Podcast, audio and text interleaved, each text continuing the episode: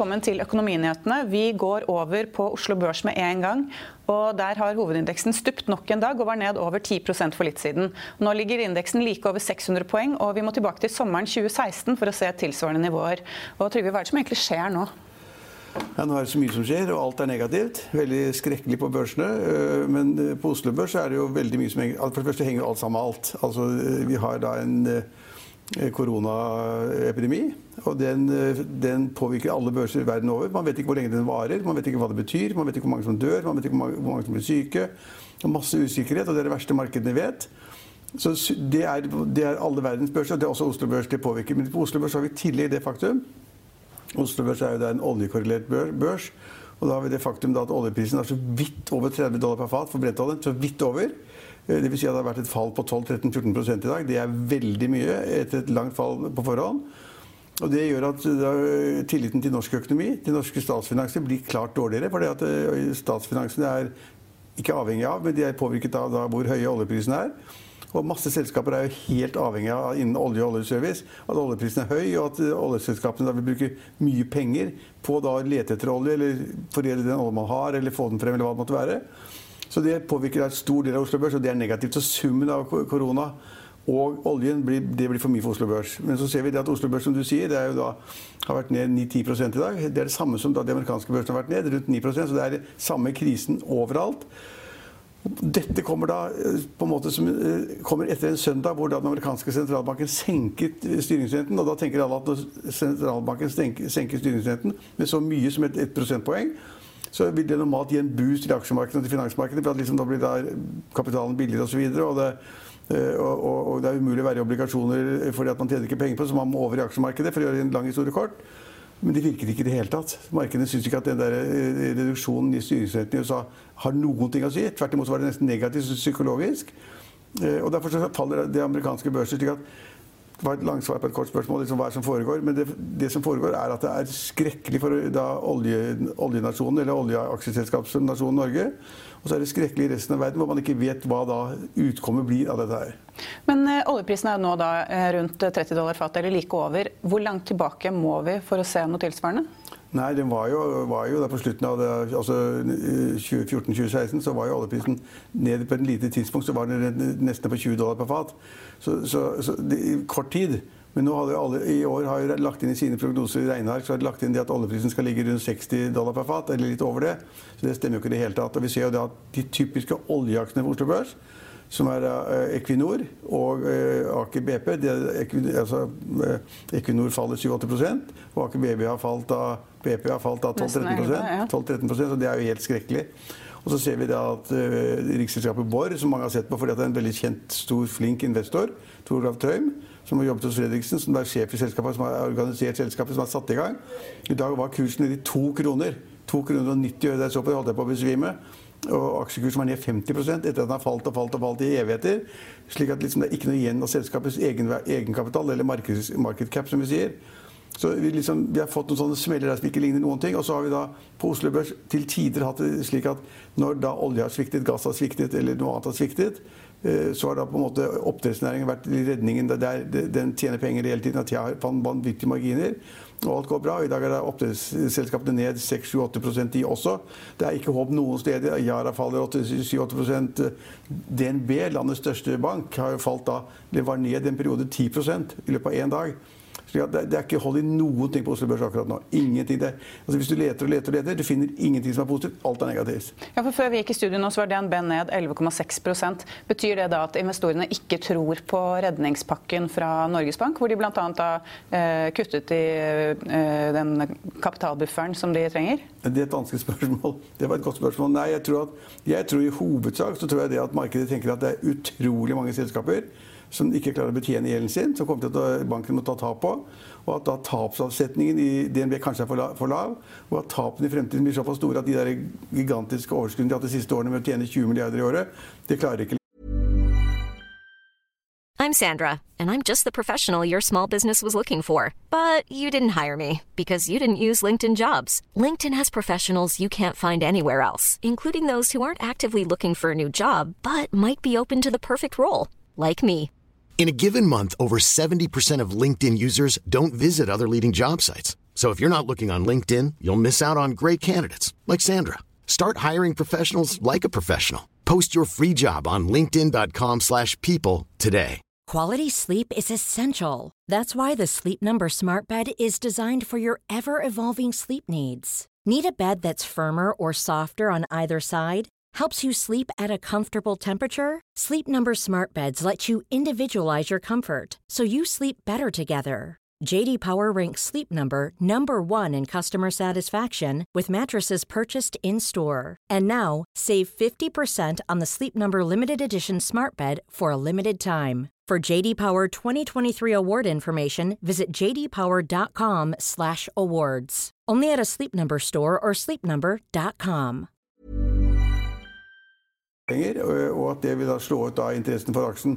Jeg tror mer det. Og så kommer kanskje da det at man er skeptisk til hvordan da disse nye statlige ordningene skal kombineres med bankene. Og om bankene da skal eller må låne ut mer penger, fordi denne kapitalbufferen er satt lavere.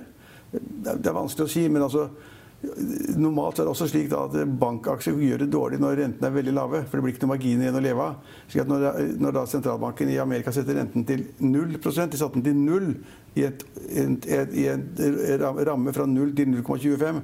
Og så satte også da tre andre eh, sentralbanker rundt om i verden satte ned renten også til null eller negativt. Da tror folk at det blir ikke noen renter å få. Eh, og og, Så jeg tror det er mer det at liksom, lav rente er negativt for bankene, finansselskapene. Og kombinert med da uroen på da mulige tap, så det, det ble for mye for folk.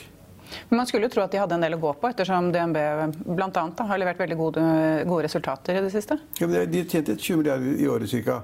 Så det blir 4-5 milliarder i kvartalet. Det er veldig mye og det er veldig bra. De har, banken har vært godt drevet og gjort masse riktig. Men det er stor. Den har store engasjementer. De har store shippingselskaper, store offshoreselskaper. Så banken kan godt få kjempesmeller hvis noen av disse store offshoreselskapene med stor gjeld, liten egenkapital, hvis de ryker. Men vi snakket da litt om Borr. Eh, Det er jo dagens store taper. Du var ned over 40 eh, da jeg sjekket før vi kom inn her. 50 da jeg sjekket. Ja, men hva er det som egentlig skjer der? Nei, altså, altså Det som skjer, er at det var et eh, nyetablert riggselskap som da kontrollerte massevis av rigger. Nå snakker vi om 20-30 rigger eller noe sånt. da. Eh, Og de betaler man litt på når man bestiller som reder. Er ikke så mye, Egentlig slipper man litt for lett unna når man bestiller en båt eller en skip eller et supply-skip. Da må man ofte ut med 20 så er det 80% som da leveres i, i rate frem til levering av skipet. Så de, de har, har mange rigger i ordre som de ikke skal få. Og når de får en rigg, så må de plutselig ut med liksom 500 eller 600 700 millioner kroner. I tillegg til det de har betalt fra før. Hvis du får tre rigger på en gang, så blir det noen milliarder kroner. Og de har store finansielle forpliktelser. De har sannsynligvis null sjanse, absolutt null sjanse til å hente egenkapital i markedet. eh, Og da får de ikke penger inn på egenkapitalsiden. Og hvis du går i der bankene for å låne penger nå, for å få en ny rigg, enda masse andre rigger i opplag, og alle, inkludert meg, forventer at interessen for å leie rigger blir veldig lav når oljeprisen er så lav, så er det bare å kaste selskapet. Eh, Men vi har snakket veldig mye om Norwegian eh, de siste ukene. Eh, Det, var ned, det er ned ca. 12 i dag og kansellerer 85% av flygning- flygningene og permitterer 7300 ansatte. Altså, det var jo ikke uventet. Men Nei, det var ikke hva altså, Kommer Norwegian noen gang tilbake? Ja, Det er vanskelig gode spørsmål. Altså, det, er helt avhengig av hvordan måte, balansen blir etterpå. Men de har jo ikke penger selv til å klare seg videre nå, det er jeg helt sikker på. De klarer ikke å skaffe penger til markedet. Og Derfor så tar jeg på en måte grovt kostnadene ned ved å, å, å, permittere over 7000 personer. Eh, For noen dager siden var det snakk om 5000, ikke sant? og de kutter da 85% av rutenettet. Det er et bitte lite selskap som er igjen. Det selskapet er forgjeldet med 58 milliarder kroner i gjeld, kanskje det er 60. Eh, Og da med et lite rutenett eh, så kan du spare masse penger på å permittere, permittere folk, som da igjen blir betalt av staten. Så det er fint. Du slipper da de driftskostnadene. Det er bra. Men så spør da folk seg om det er mulig for Norwegian å få penger fra det statlige fondet. Det er to fond, ett på 50 milliarder hver, til sammen 100 milliarder kroner, som staten skal da på en måte gi inn i finansmarkedene, gi til selskapene. Den ene delen skal de da på en måte stille til disposisjon for DNB og andre banker, som så skal gi lån til selskapene. Så skal staten garantere for de lånene bankene gir. Men bankene skal foreta en kredittvurdering av de lånene de gir. Kompliserte greier. Det tar tid. Og hvis det er gitt det, så skal de få en garanti fra staten. Det er ålreit. Og så skal de da, for storselskapene så skal de da lage en sånn obligasjonsordning hvor da selskapene kan da finansiere seg via obligasjoner, som staten da på en måte garanterer, slik at det er avtakere på det. Og så tror folk at det der får ikke Norwegian. At de er for store, eller de er for, det er for vanskelig, eller de får ikke til. Så det er en stor usikkerhet om da Norwegian får del i den pakka på 100 milliarder kroner. Og, da, og de får ikke tak i egenkapital, og kursen faller og faller og faller. Det er nesten ikke noe igjen. og det er, markedscapen er ikke noe. slik at altså, det like, det, Jeg vil ikke si det, for jeg liker Bjørn Kjos. Jeg syns han satte i gang et fantastisk selskap. Og han har tapt utrolig mye penger. Han har vært så dum i at han har lånt masse penger for å kjøpe opp aksjer hele tiden. Man trodde det skulle stoppe, så han har kjøpt på fallende kurser. Det verste man kan gjøre. Eh, men det er like stor sannsynlighet for at Norwegian går konk nå, som at de overlever. Eh, men tilbake til dette obligasjonsfondet. Det er jo da statens obligasjonsfond som de gjenoppretter. Det eksisterte jo da i forbindelse med finanskrisen fra 2009 til 2014, og det er 50 milliarder kroner. Den gang ble det bare brukt rundt 9 milliarder. Altså, Kommer de til å bruke mer nå? Altså, den, fordi Den gangen var det jo finansielle institusjoner som trengte ja, penger, og nå er det jo industri og kjernebedrifter. Ja, den gangen var det et spørsmål om å holde bankene i live. Altså, bankene hadde ikke da nok egenkapital at de turte låne penger til hverandre. Og banker skal låne penger til hverandre. Det er det de gjør. Den ene banken har veldig mye penger i kassa en dag, den andre banken har kassa en annen dag. Og så skyver de da denne saldoen rundt om i systemet og finansierer seg. I tillegg til innskudd fra deg og meg og andre. Eh, men, men eh, nå er det noe helt annet. Nå er det ikke liksom bankene som skal liksom komme akkurat over kneika og ture å låne penger til hverandre. Nå er det da industriselskaper eller handelsselskaper eller flyselskaper eller hva det måtte være som da skal ha penger for å liksom drive langsiktig og videre. Og det Altså, de kommer, de pengene, altså pengene, kommer til å få ben å gå på, det er jeg helt sikker på. Men, men uh, hvor mye som blir lånt, det vet jeg ikke hvor mye de får tak i. Og jeg vet, ser nå at det er en stor masse spekulasjoner om Norwegian eller SAS. Skal de liksom ta tak i den potten der, og hva hjelper det? Og, og, og alle hadde trodd, eller mange hadde trodd at uh, de store industriselskapene eller SAS og, og Norwegian ville få penger av staten så likviditetstilskudd. var bare surr. Staten gir ikke penger, de drysser jo ikke penger over næringslivet sånn. Så det, det, er, masse kompliserte ting. Men jeg syns staten har vært flinke med å si at her er det 100 milliarder. Det er 50 milliarder i den potten, det er 50 milliarder i den potten. Og hvis folk sender gode søknader og gjør riktige tingene, så får de tilgang til disse garantiene eller disse lånene. Det, det er bra. Det er bra. Men eh, det er jo ikke bare det mm, tiltaket staten har kommet med. De har kommet med flere andre ting i dag. Hvordan, eh, hva syns du om tiltakene de har kommet med hittil? Ja, jeg synes at På fredag var det stusslig og kom ingen vei. og Det var en sum, på, sum av garantier og andre eh, skattefordeler. Altså sum av skattefordeler og garantier på 6,5 milliarder kroner. Nå har det blitt mye mer, og de har skjønt at dette er ille. og Det blir masse permitteringer landet over. Det er ikke et hotell som ikke kommer til å stenge. Altså, de har jo ingen gjester. Det er ingen restauranter som har gjester, det er ingen puber som har gjester. Det er helt låst ned overalt. Uh, og, og, Da skjønte de det i løpet av helgen og kom da på søndag med en, synes jeg, en ganske god pakke. Men så kom da opposisjonen og sa at de, vi vil også være med. Så de gjorde den pakken enda bedre, enda litt sånn søtere. Uh, fordi at da, hvor da regjeringen sa for eksempel, da, ta et eksempel, at, uh, at staten skal overta lønnsplikten i 15 dager, og de eierne i to dager. 2 pluss 15 så sa de at nei, ja, 15 dager blir for lite. Så hvis vi, hvis vi, skal være med på den pakken i Stortinget, som de hadde møte om i dag tidlig, så må den, de 15 dagene økes til 20 dager. Ok, det er litt bedre. Men altså, det er ingen av de som får de, den lønnen i, i 20 dager istedenfor 15, som blir veldig glad for det. De blir selvfølgelig alle glad for litt mer penger. Det endrer ikke situasjonen for en eh, familie som har dårlig råd, at den da får lønn av staten i 20 dager istedenfor 15. fordi at de får uansett ikke mer enn uh, 62,4 av da den lønnen de hadde, opp til 600 000 kroner. Så det har de beholdt? Det, det har, de beholdt, mm. det har de beholdt. Og det er et veldig godt tiltak. Og det avlaster jo bedriftene umiddelbart. Enhver, hvert hotell, enhver restaurant, enhver liten handelsbedrift, en uh, frisørsalong, uh, hudpleiesalong eller hva det måtte være, som har sagt opp alle de ansatte, eller permitter, unnskyld meg, permittert alle de ansatte, de merker at dette er en fordel, for de slipper da betale lønningene i de ukene og månedene som kommer.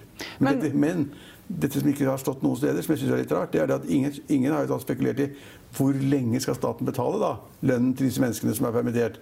Er liksom, de, de, de, skal i hvert fall betale 20 dager, men de blir jo selvfølgelig måneder etter det. Men uh, burde ikke staten egentlig betale alt?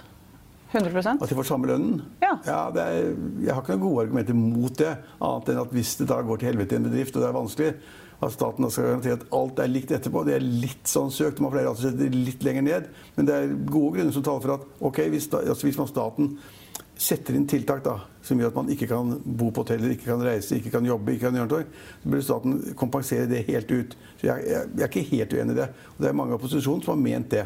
Ja, for Hvis ikke så stopper jo alt opp. Altså forbruk og Ja, da, men det stopper ikke helt opp når det er 62% av din opprinnelige lønn. Men det blir klart mindre penger å ha til å betale renter og avdrag på studierlån, skolelån, billån eller hva det måtte være.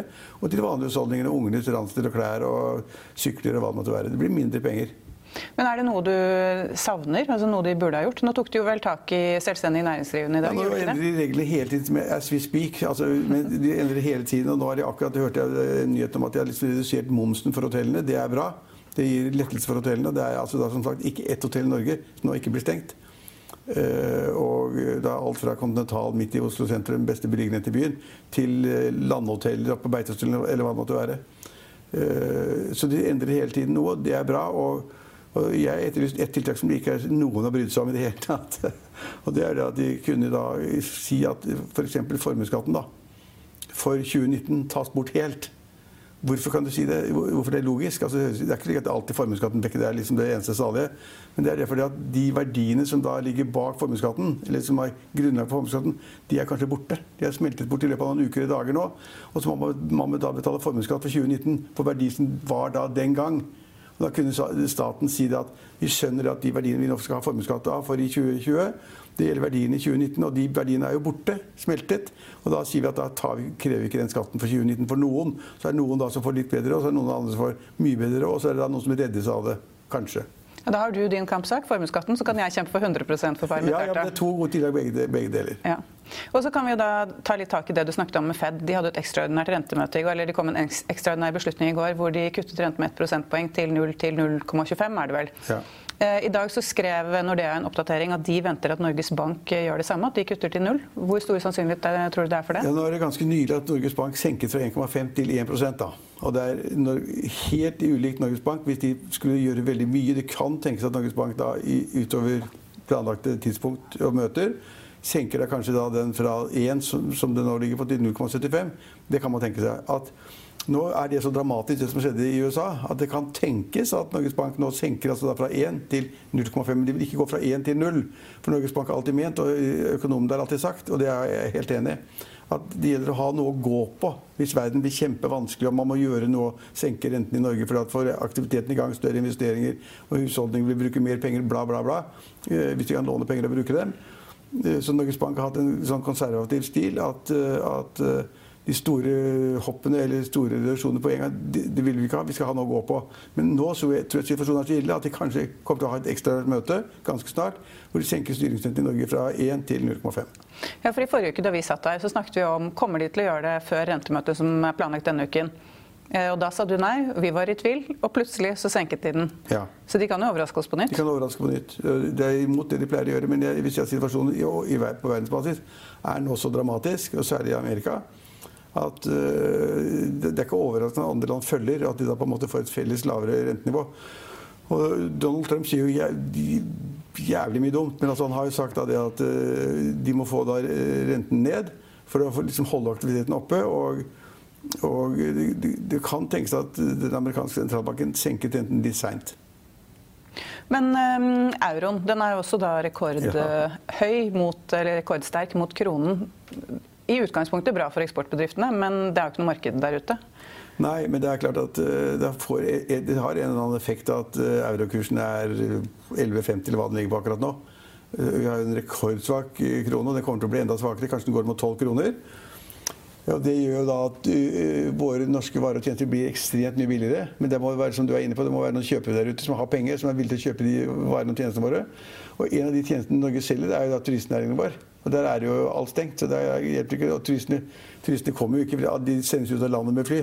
Altså Vi har jo liksom stengt alt som har med turistene å gjøre. Og så er det et spørsmål om vi har andre varer og tjenester som vi da selge mer av hvis da utlendingene betaler mindre, at varene våre blir relativt billigere. Det finnes kanskje, men det er ikke lett å finne det. Men, men, det men, det, er, et godt utgangspunkt at, at, at, vi er et billig land hvis denne krisen skulle gå over. Det, og, og, så er det en annen ting at med en så svak krone så er det jo kjempedyrt å kjøpe noe i utlandet. Så da kjøper, bruker man kjøper varer og tjenester. Vi bruker reise på ferie i innlandet istedenfor. Eller vi kjøper varer og tjenester på det nærmeste, nærmeste Jernia eller kjøpesenter eller hva det måtte være. Så vi holder oss her.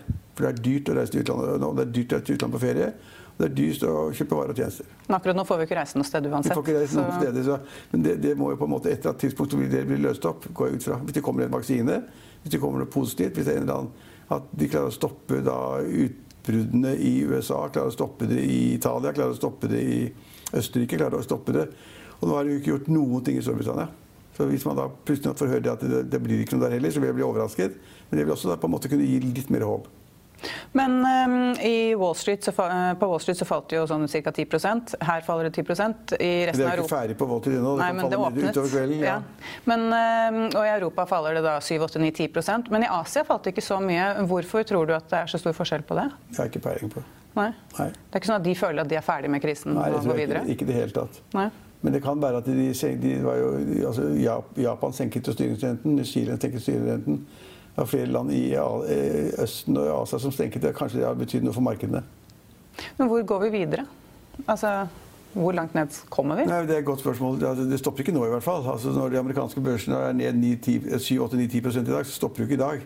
Det er ikke at i morgen så er alt bedre. Altså, poenget er at koronaviruset er så alvorlig, så store effekter og folk er livredde, naturlig nok. Og når, da, altså når verdens, verdens handel og reiser stopper opp, så er det total krise. Altså det som har skjedd i Norge, det, har, det, har, ikke vært mulig å tenke seg et scenario hvor en sånn svart svane skulle dukke opp og så si at alt stoppes. Man låser ned land. Altså Man lå, låste ned Italia, man låste ned Kina og låser ned Norge. Så det, det, er, det er en situasjon som er helt vanvittig. Eh, og mest da for turistnæringen selvfølgelig, og mest da for flyselskapene. Men eh, og hvor vi går videre, det har ikke jeg peiling på. Jeg er jo redd for, for jeg er da alltid forsiktig og konservativ, at dette kan vare langt utover høsten. Kanskje ut året. Hva gjør vi da? I beste fall. Ja, det, er, det er veldig mange selskaper konk, og det er utrolig mange arbeidsløse.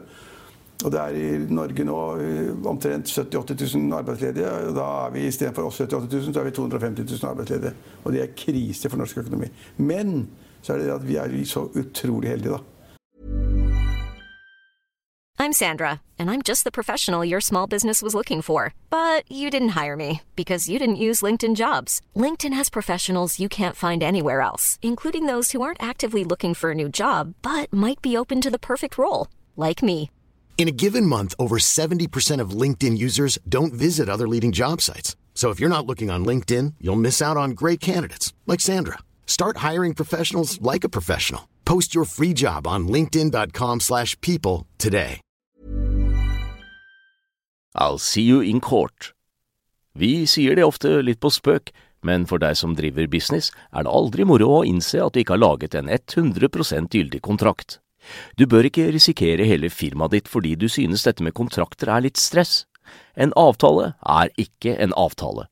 Du kan miste kunder, miste venner, ja, til og med miste inntekter om du ikke lager en skikkelig kontrakt, på alt mulig, egentlig. Men vi vet det er et styr kopimaskiner, tregprinter og haugevis av papir. Dessuten stoler vi jo på folk her i landet. Det er ofte litt kleint å skulle be om en signatur for alt mulig, ja, for mye av styret handler også om jakten på underskriften. Det finnes en enkel måte å løse dette på, Dukkobit, en trygg, effektiv og get this, gratis måte å sikre seg en god natts søvn pluss en juridisk bindende avtale. Dukkobit-appen har de strengeste sikkerhetskrav i bunn, samt en EU-godkjent og sertifisert teknologi. Framover vil det bli behagelig å spørre du, skal vi skrive under på det, eller? Kom i gang på dukkobit.no. For vi har da oljefondet. Vi har uendelig penger å ta av, kan bruke så mye vi vil. Så staten bør ikke spare på noen ting. Men da ryker handlingsregelen, da? Ja, handlingsregelen er noe tull. så det, det, er, det, er, det er, For det første har vi ligget langt under i flere år, og for det andre så er det noe tull i en sånn situasjon. Så må man bruke de pengene Norge har. Og Du er ikke den eneste som eh, frykter dårlige tider. Dette blir verre enn under finanskrisen, tror investor Jan Petter Sissener. Vår reporter Eline Vamstad pratet med ham tidligere i dag. Eh, jeg sitter her med Jan Petter Sissener. Eh, det har vært en, et kraftig fall på Oslo Børs i dag. Det har vært ned mellom 8 og 10 og, og børsdagen er enda ikke over. Hvordan vil du beskrive den situasjonen vi ser akkurat nå? Det er jo nærmere panikk. Og er, Noe er teknisk, men det aller meste er jo folk som delvis blir skviset ut og delvis ikke orker mer og er nervøse for hva fremtiden skal bringe. Tror du vi kan si det slik at vi står overfor en uh, finanskrise? Jeg tror det er uh, verre enn en finanskrise. For en finanskrise kan du uh, hjelpe til med offentlige forbruk, offentlige investeringer osv. Her er det ingenting som hjelper, fordi man er usikker på hvor lenge det varer. Hva er, hva er hva løsningen? Når får vi en cure? Uh, og så er det jo veldig forskjellige approacher i forskjellige land.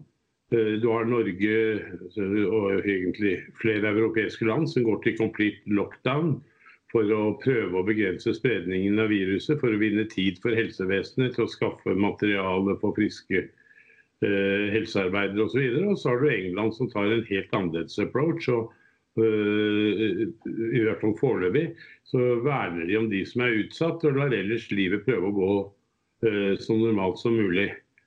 Hva som er riktig skal ikke jeg uttale meg for det må jeg rett og slett stole på de som fatter beslutningene.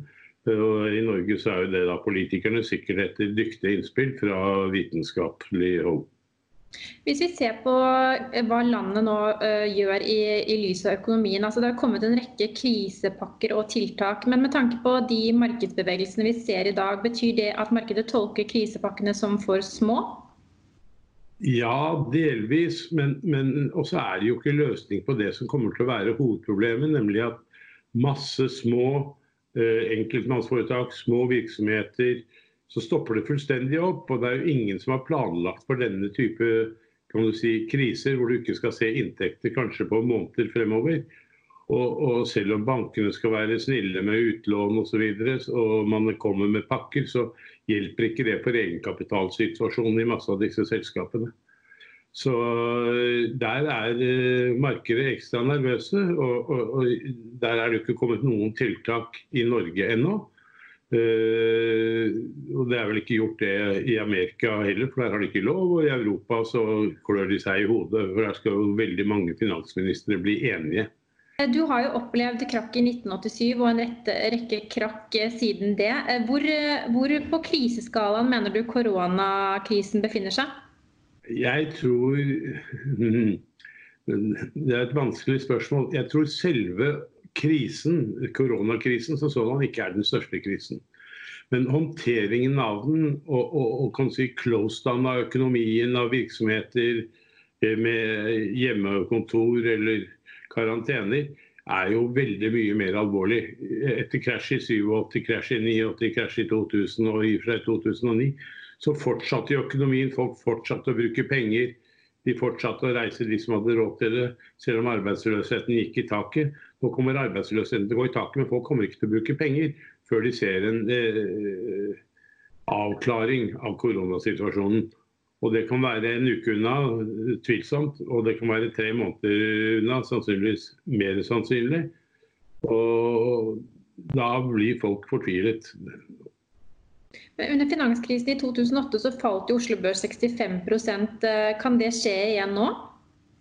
Ja, da er vi i så fall bare litt over halvveis. Vi har vel nå falt uh, nærmere 40 uh, Jeg tror ikke det. Men likviditet er jo the name of the game. og For øyeblikket så er det ikke likviditet i markedet. Verken i obligasjonsmarkedet, som jo krasjer også, eller i aksjemarkedet. Og, og Da får du en sånn ond spiral. Eh, en av forbindelsene mine fortalte at de hadde tvangssolgt var det 500 kunder forrige uke. Delvis på egne vegne, delvis på andres vegne. Det er mange som ikke tåler denne nedturen på 40% og blir wiped ut. og Redselen deres er jo ikke å få lov til å være med opp igjen. Men gitt den situasjonen du og jeg står i, eller det markedet står i akkurat nå, hva, hva, gjør dere rent praktisk? Altså Kjøper dere, selger dere, justerer dere porteføljen, eller sitter dere stille? Stort sett sitter vi stille, justerer litt. Uh, og For Norge så er det jo liksom en dobbel.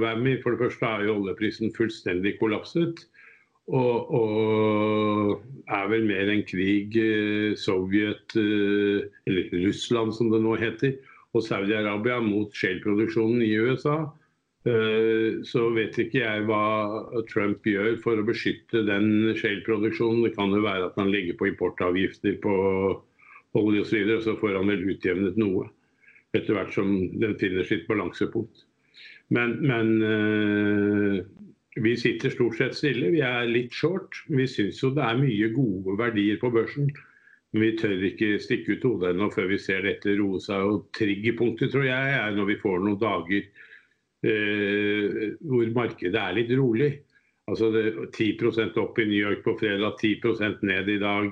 Og det var flere dager i forrige uke med pluss 5% og minus 5% Det er, eh, det er eh, ikke holdbart.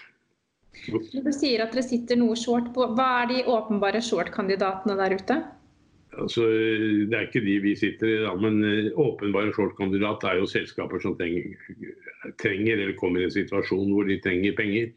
Vi er stort sett short indekser. Ja. Rett og slett fordi det er mye mer likvid, og, og bevegelsesrommet er mye større og raskere. Det er jo åpenbart enkelte bransjer som ikke vil klare seg så godt uh, gjennom denne koronakrisen. Ikke utenkelig at reiselivsbransjen vil ha store og allerede har store utfordringer. Du og jeg har snakket med Norwegian flere ganger tidligere. Hva tenker du nå? Er Norwegian nærmere konkurs enn noen gang? Ja, altså, eh, Hva var det statssjefen sier? At de må ha hjelp i løpet av et par uker. Du har Lufthansa som er ute i dag og kutter utbytte.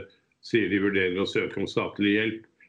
Eh, jeg er ikke i tvil om at Norwegian er eh, teknisk konkurs. Eh, så er det spørsmål hva, hva skal til for å redde dem. Og det er veldig vanskelig å se. Uten å være etterpåklok så hadde det kanskje vært lurere å kjøre ikke helt på kanten av, av, hva som er likviditetsmessig og soliditetsmessig ansvarlig. Men akkurat nå så er det jo ingen som vil komme opp med penger til Norwegian, for de vet ikke når selskapet vil hva du kan si, resume normal operation.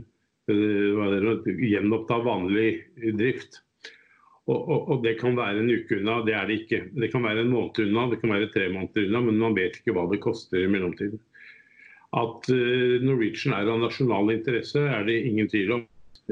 Hva er løsningen for Norwegian? Jeg vet ikke. Uh, jeg tror kanskje Jeg har jo skissert én løsning i dagens uh, Finansavis, nemlig å Eh, selge alle flyene til et statlig eid flyleasingsselskap. Det kunne uh, kanskje gjøres på nordisk nivå, for SAS er i samme problemstilling. Og så kan man kalle det i anførselstegn subsidiere leasingleien inntil verden normaliserer seg. Og så kan man uh, ta den opp igjen til normale markedsvilkår når verden igjen er normal. Det er én måte, for da får du frigjort mye cash, du får tilbakebetalt mye gjeld og, kommer liksom sånn i, i, litt mer komfortabel situasjon. Jeg, jeg har, så vel også at det sto at uh, likviditetslån kan være en uh, sak, men det er jo vanskelig for staten å baile ut. For de vet ikke hvor mye penger, hvor mye penger trenger de, hvor lenge osv. Da er det kanskje mye bedre å kjøpe flyflåten og sitte på hard assets. Selv om det ikke gir noen avkastning kortsiktig, så kan det, når det en gang verden er normal igjen, så kan du justere til markedsmessige vilkår. Men hva er oddsen for at Norwegian overlever eh, denne krisen? Jeg tror den er nesten null hvis ikke de får statlig hjelp i en eller annen form. Og det er vel det som er det viktige. Eh, jeg tror du kan naturligvis få til en gjeldskonvertering på en krone og en emisjon på en krone, men og jeg er sikker på at Trygdefondet og andre kunne ta sin andel, men det er vanskelig å se en slik situasjon som vi er i nå, eh, hvor, hvor uh, nye penger skal komme fra. Det gjelder ikke bare Norwegian, det gjelder masse norske virksomheter som eventuelt kan løpe inn i problemer. Hvis vi går til Oslo Børs, da, hvilke andre selskap på Oslo Børs er det du frykter for nå? Det er klart at Du var inne på reiselivsbransjen. Sats eh, som må stenge alle, kostnadene fortsetter å løpe. Hvor lenge må de holde stengt før de får inntekter tilbake? Det er vanskelig. Eh, og det er mange av den type selskaper som, som eh, eller flere av den type selskaper som har litt strukne balanser. Det er klart Når inntektssummen stopper fullstendig, så, så, så, er det mange som kan risikere å, å gå i vifta. Så hvor, hvor, lang tid tror du det vil ta før vi kommer ut på den andre siden og børsene har hentet seg inn igjen? Det er jo helt avhengig av hvor fort man får en løsning på koronaproblematikken. Det myndighetene gjør, er jo å kjøpe seg tid. Og så er spørsmålet tid til å skaffe utstyr, tid til å få øh, bygget, ut, bygget opp kapasiteten til å ta imot de syke. Og etter hvert som motstandsdyktigheten stiger i folk, og flere har vært syke og vært igjennom det, så vil vi jo komme tilbake til normalen. Men om det tar én uke, en måned eller seks måneder Det tar i hvert fall ikke en uke, men om det tar én eller seks måneder, det skal jeg ha uuttalt. Der må du rett og slett snakke med de som har bedre greie på den type ting enn meg. Hvis man tar på seg toårsbriller, så er det ingen tvil om at du får, mye, mye god verdi på Oslo Børs på dagens nivåer. Derfor skal du stikke ut hodet i dag, eller skal du vente en uke, eller skal du vente en måned? Jeg vet ikke. Jeg trodde at obligasjonsmarkedet skulle roe seg i dag, etter at staten signaliserte tilskudd på 50 milliarder kroner til obligasjonsmarkedet. Det tror jeg bare er en begynnelse. De er nødt til å holde hjulene i gang. Og Da må de tilrettelegge for at både selskapene kan få egenkapital, og ikke minst rullet sine obligasjonslån og forpliktelser. De er ikke tjent med at norske selskaper som er kan du si, at samfunnsøkonomisk betydning, går i vifta i, i denne perioden. Vi fikk jo et varsku fra Kina når dette koronaviruset brøt ut. Men var det noen som kunne forutse at det skulle bli så dramatisk som det det har utviklet seg til å bli? I ettertidens klare lys er det klart man kunne kanskje sett det, men jeg tror ikke det. Det, du ser jo at det er først nå amerikanerne reagerer. Europa har nesten ignorert det som et italiensk problem noen uker før de begynte å ta fart i forrige uke. Og i Norge også så har de liksom prøvd å distansere oss litt fra det. Så når Oslo Børs faller mindre enn Europa, så er jo det i dag, og USA, så er det mer en refleksjon av at Norge har det tross alt ganske bra. Vi har opptil 9000 milliarder kroner på bok. Og, og, det som gjelder nå, er jo bare at de brukes i et samfunn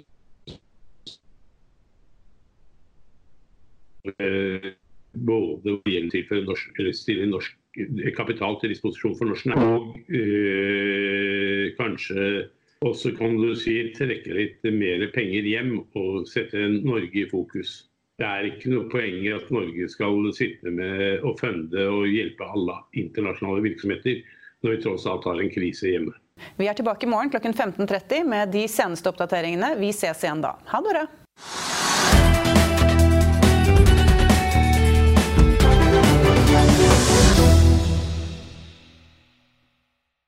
Økonominyhetene er en podkast fra Finansavisen. Programledere er Marius Lorentzen, Stein Ove Haugen og Benedikte Storm Bamvik. Produsenter er Lars Brenden Skram og Bashar Johar. Og ansvarlig redaktør er Trygve Hegnar.